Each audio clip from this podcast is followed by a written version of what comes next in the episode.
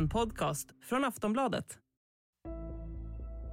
Kriget rasar i Ukraina och medan vissa flyr bomber eller strider ute på fält så finns det även andra typer av hot som det ibland talas mindre om. Det sexuella våldet.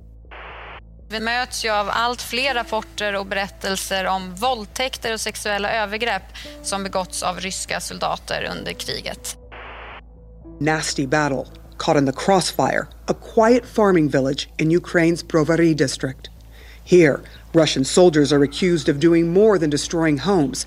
Two women say they raped them too. The UN is investigating reports of sexual violence by Russian forces in Bucha and in other cities across Ukraine. Under international law, rape and sexual assault are considered war crimes. Ja, rapporterna fortsätter att komma in om ryska soldater som våldtar framförallt ukrainska kvinnor och barn som en del av krigföringen. I en artikel från The Guardian i våras så berättar en kvinna om att det allra första hon gjorde när hon hörde bomberna falla över Kiev var att få tag på kondomer för att skydda sig själv. Samtidigt så ökar även våld i hemmet under krig och många ukrainska kvinnor drabbas nu även av detta och blir gisslan i sina egna hem. Idag i Aftonbladet Daily ska vi prata om kvinnornas utsatthet i kriget i Ukraina. Vad vet vi om det sexuella våldet i kriget? Finns det någon hjälp för de kvinnor som nu fastnat i våldsamma hem? Hur ser hotbilden ut för de kvinnor som flytt landet? Och kan rättegångar vänta dem som anklagas för att ha våldtagit som en del av krigföringen? Jag heter Vilma Ljunggren och med mig i studion har jag Jessica Poe Janrell, rådgivare på organisationen Kvinna till Kvinna. Hej Jessica! Hej! Det rapporteras om att kvinnors situation i Ukraina kraftigt har försämrats sedan kriget inleddes. Vi hör bland annat om ryska soldater som ska använda sexuellt våld, framförallt mot ukrainska kvinnor. Vad vet du om det? Ja, men det stämmer. Eh, och det är framförallt kvinnor och barn som har utsatts för till exempel våldtäkter av ryska soldater. Och det har varit eh, absolut värst i de städer och områden som har intagits och ockuperats av ryssarna. Och vi fick höra väldigt tidigt i kriget hur kvinnor och flickor hade utsatts av väldigt grovt sexuellt våld i till exempel Butja.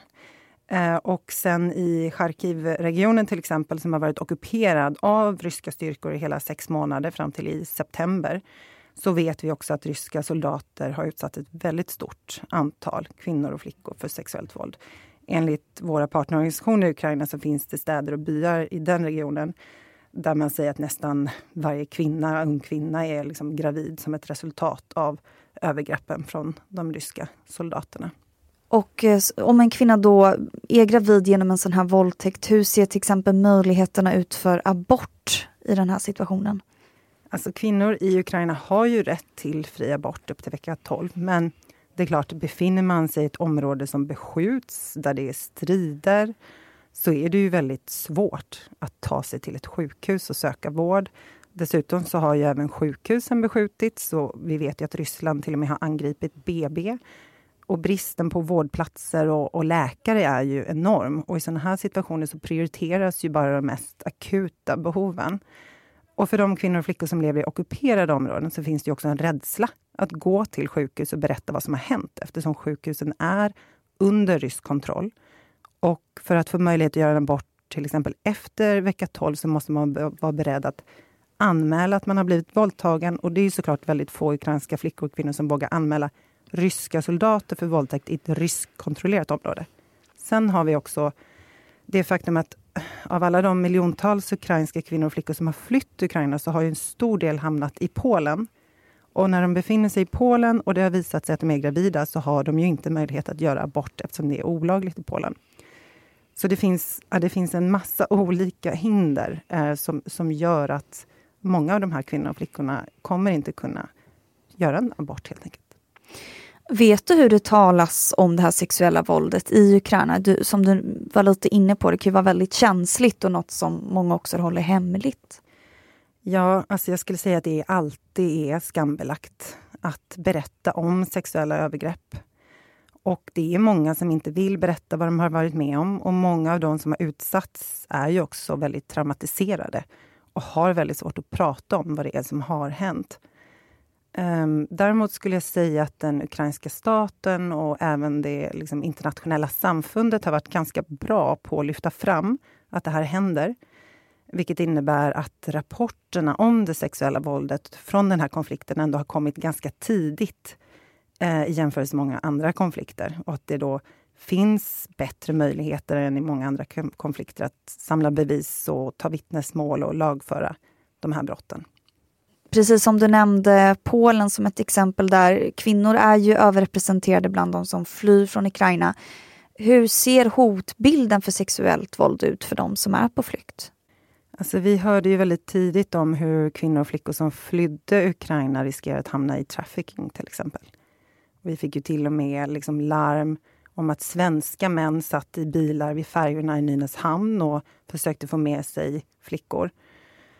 Vilket är alltså, hemskt när man tänker på det, men det är ju precis så här att där det finns sårbara människor så finns det förövare.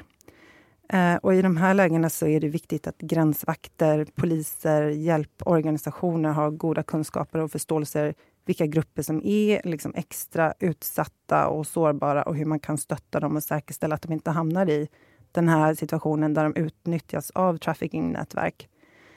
Eh, det är superviktigt att liksom ensamkommande ungdomar och flickor framförallt får extra mycket stöd och information.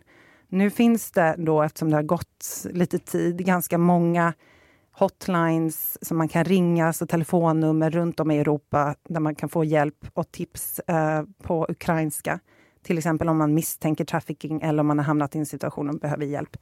Och jag vet att vissa av de här hotlines har fått liksom, ja, men, tiotusentals samtal och det säger ju en del om magnituden av det här problemet.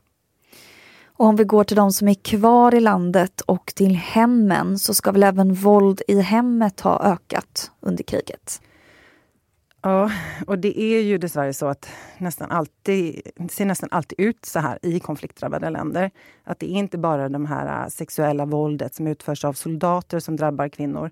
Utan det är också så att våldet ökar i samhället i stort och även våldet i hemmet. Och just nu så har ju alltså en väldigt stor del av de ukrainska männen varit med och krigat på ett eller annat sätt. Och många av dem har varit på fronten och kommit tillbaka med stora trauman och psykologisk eh, ohälsa. Eh, och det här går ut över deras partners och, och barn när de kommer hem. Eh, många som mår dåligt dricker också för att glömma, vilket bidrar till ökat våld. Så vi får, vi får tydliga rapporter om att mäns våld mot kvinnor har ökat markant under kriget. Eh, och tyvärr är det någonting som antagligen bara kommer bli värre under kommande år. Om inte mer liksom, fokus och resurser går till ja, men både rehabilitering och trauma av återvändande soldater, men också hjälp till våldsutsatta kvinnor. Och finns det någon hjälp tillgänglig just nu för de kvinnor som har fastnat i ett hem med våld? Alltså, den organisationen jag arbetar för, för Kvinna till kvinna, vi stöttar ju ett antal kvinnorättsorganisationer på plats i Ukraina som driver skyddade boenden. Och det finns ju såklart även andra kvinnorättsorganisationer i Ukraina som driver den här typen av skyddade boenden. Och deras hjälp är ju jätteviktig för de här kvinnorna. Men det är ju inte tillräckligt. Alltså det är ett jättestort eh, problem och finns stora behov. Och om det är så att den ukrainska staten har varit ganska bra på att se Eh, och kanske vilja lagföra de ryska soldaternas våld mot ukrainska kvinnor så skulle man kunna säga att situationen är lite det motsatta när det gäller våld i hemmet. För de ukrainska männen, de är ju liksom krigshjältar. Och polisen är kanske inte så intresserad av att arrestera krigshjältar, vilket innebär att kvinnor ibland lämnas helt utan hjälp även när de vänder sig till polisen. Och dessutom är ju såklart samhällets funktioner otroligt eftersatta och det här prioriteras inte. Samtidigt som Ukrainas kvinnor faller offer på bland annat de sätten som vi har pratat om idag så utgör ju även kvinnorna en viktig roll i Ukrainas kamp för att vinna kriget och det på sätt som inte alltid uppmärksammas. Vi hör Jessica Poe Janrell igen efter pausen.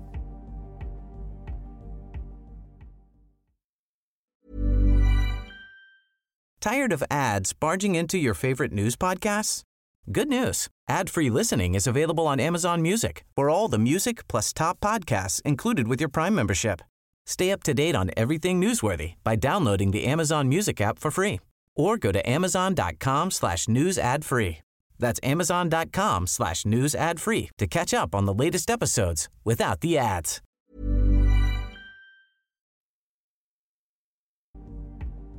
Ja, förutom de ukrainska kvinnor som strider ute på fältet så arbetar ju många kvinnor på andra sätt med kriget eller i responsen till kriget och håller på många håll ihop samhället. Hur kan det se ut?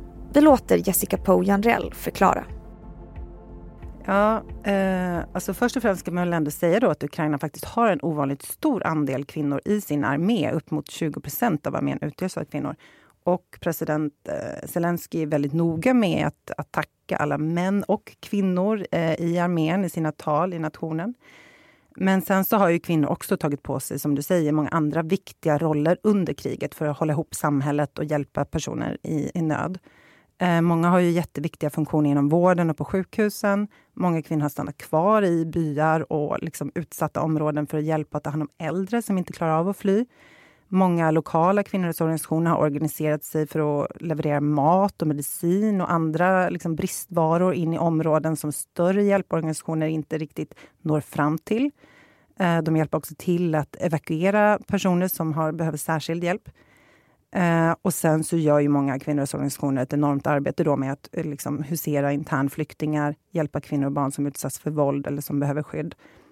Eh, jag har också kontakt med en grupp kvinnliga medlare som medlar på lokal nivå för att förhindra att lokala konflikter bryter ut, vilket är ganska vanligt då när många liksom internflyktingar kommer till nya platser och ska samsas om boende och mat och så vidare.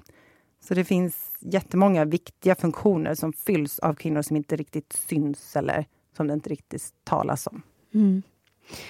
Den hjälp som Ukraina får av hjälporganisationer, eh, skulle du säga att de ser och prioriterar kvinnornas eh, situation och utsatthet? Man kan säga att hjälporganisationer är i alla fall bättre idag än vad de var för ett antal år sedan eh, i att förstå vad som behövs i den humanitära hjälpen. Idag finns det i alla fall alltid hygienartiklar, bindor, tamponger till kvinnor, eh, blöjor till bebisar. Det här var sånt som ofta glömdes bort i nödhjälpen förr i tiden. Eh, men däremot är man fortfarande dålig på att säkerställa säkra, trygga boenden för internflyktingar och flyktingar. Alltså I många fall så hamnar man i stora sovsalar där kanske unga kvinnor då tvingas sova i samma rum som okända män. Och Det finns liksom ett stort behov att förbättra de här aspekterna för att förhindra sexuella övergrepp och utnyttjande av, av kvinnor i de här situationerna. Och det finns också ganska liksom, låg kunskap just kring hur man hanterar det genusbaserade våldet hos de här organisationerna. Sexuellt våld som vapen eller som en del av krigföring är ju ett krigsbrott. Tror du att det kan komma rättegångar gällande detta i framtiden? Ja, Alltså om vi tittar på den globala statistiken för den här typen av krigsbrott och om vi tittar på hur det har sett ut genom historien så är det helt klart så att strafffriheten för den här typen av krigsbrott är enorm. Men jag skulle ändå säga att eh, just när det gäller Rysslands krig mot Ukraina så finns det ganska goda förutsättningar och förhoppningar om att den här typen av krigsbrott kommer att utredas och lagföras och leda till domar.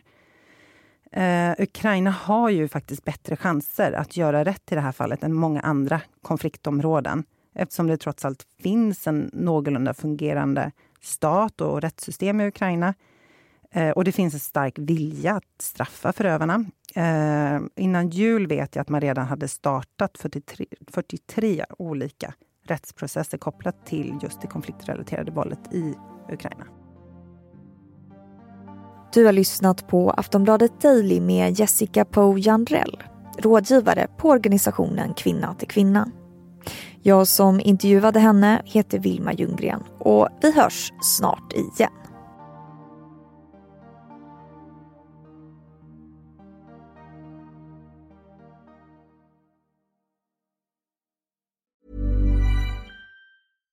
Millions of people have lost weight with personalized plans from Noom like Evan, who can't stand salads and still lost 50 pounds. Salads, generally, for most people, are the easy button, right? For me, that wasn't an option. I never really was a salad guy. That's just not who I am. But Noom worked for me. Get your personalized plan today at Noom.com. Real Noom user compensated to provide their story. In four weeks, the typical Noom user can expect to lose one to two pounds per week. Individual results may vary. Du har lyssnat på en podcast från Aftonbladet. Ansvarig utgivare är Lena K Samuelsson. Tired of ads barging into your favorite news podcasts? Good news. Ad-free listening is available on Amazon Music for all the music plus top podcasts included with your Prime membership. Stay up to date on everything newsworthy by downloading the Amazon Music app for free or go to amazon.com slash news ad free. That's amazon.com slash news ad free to catch up on the latest episodes without the ads.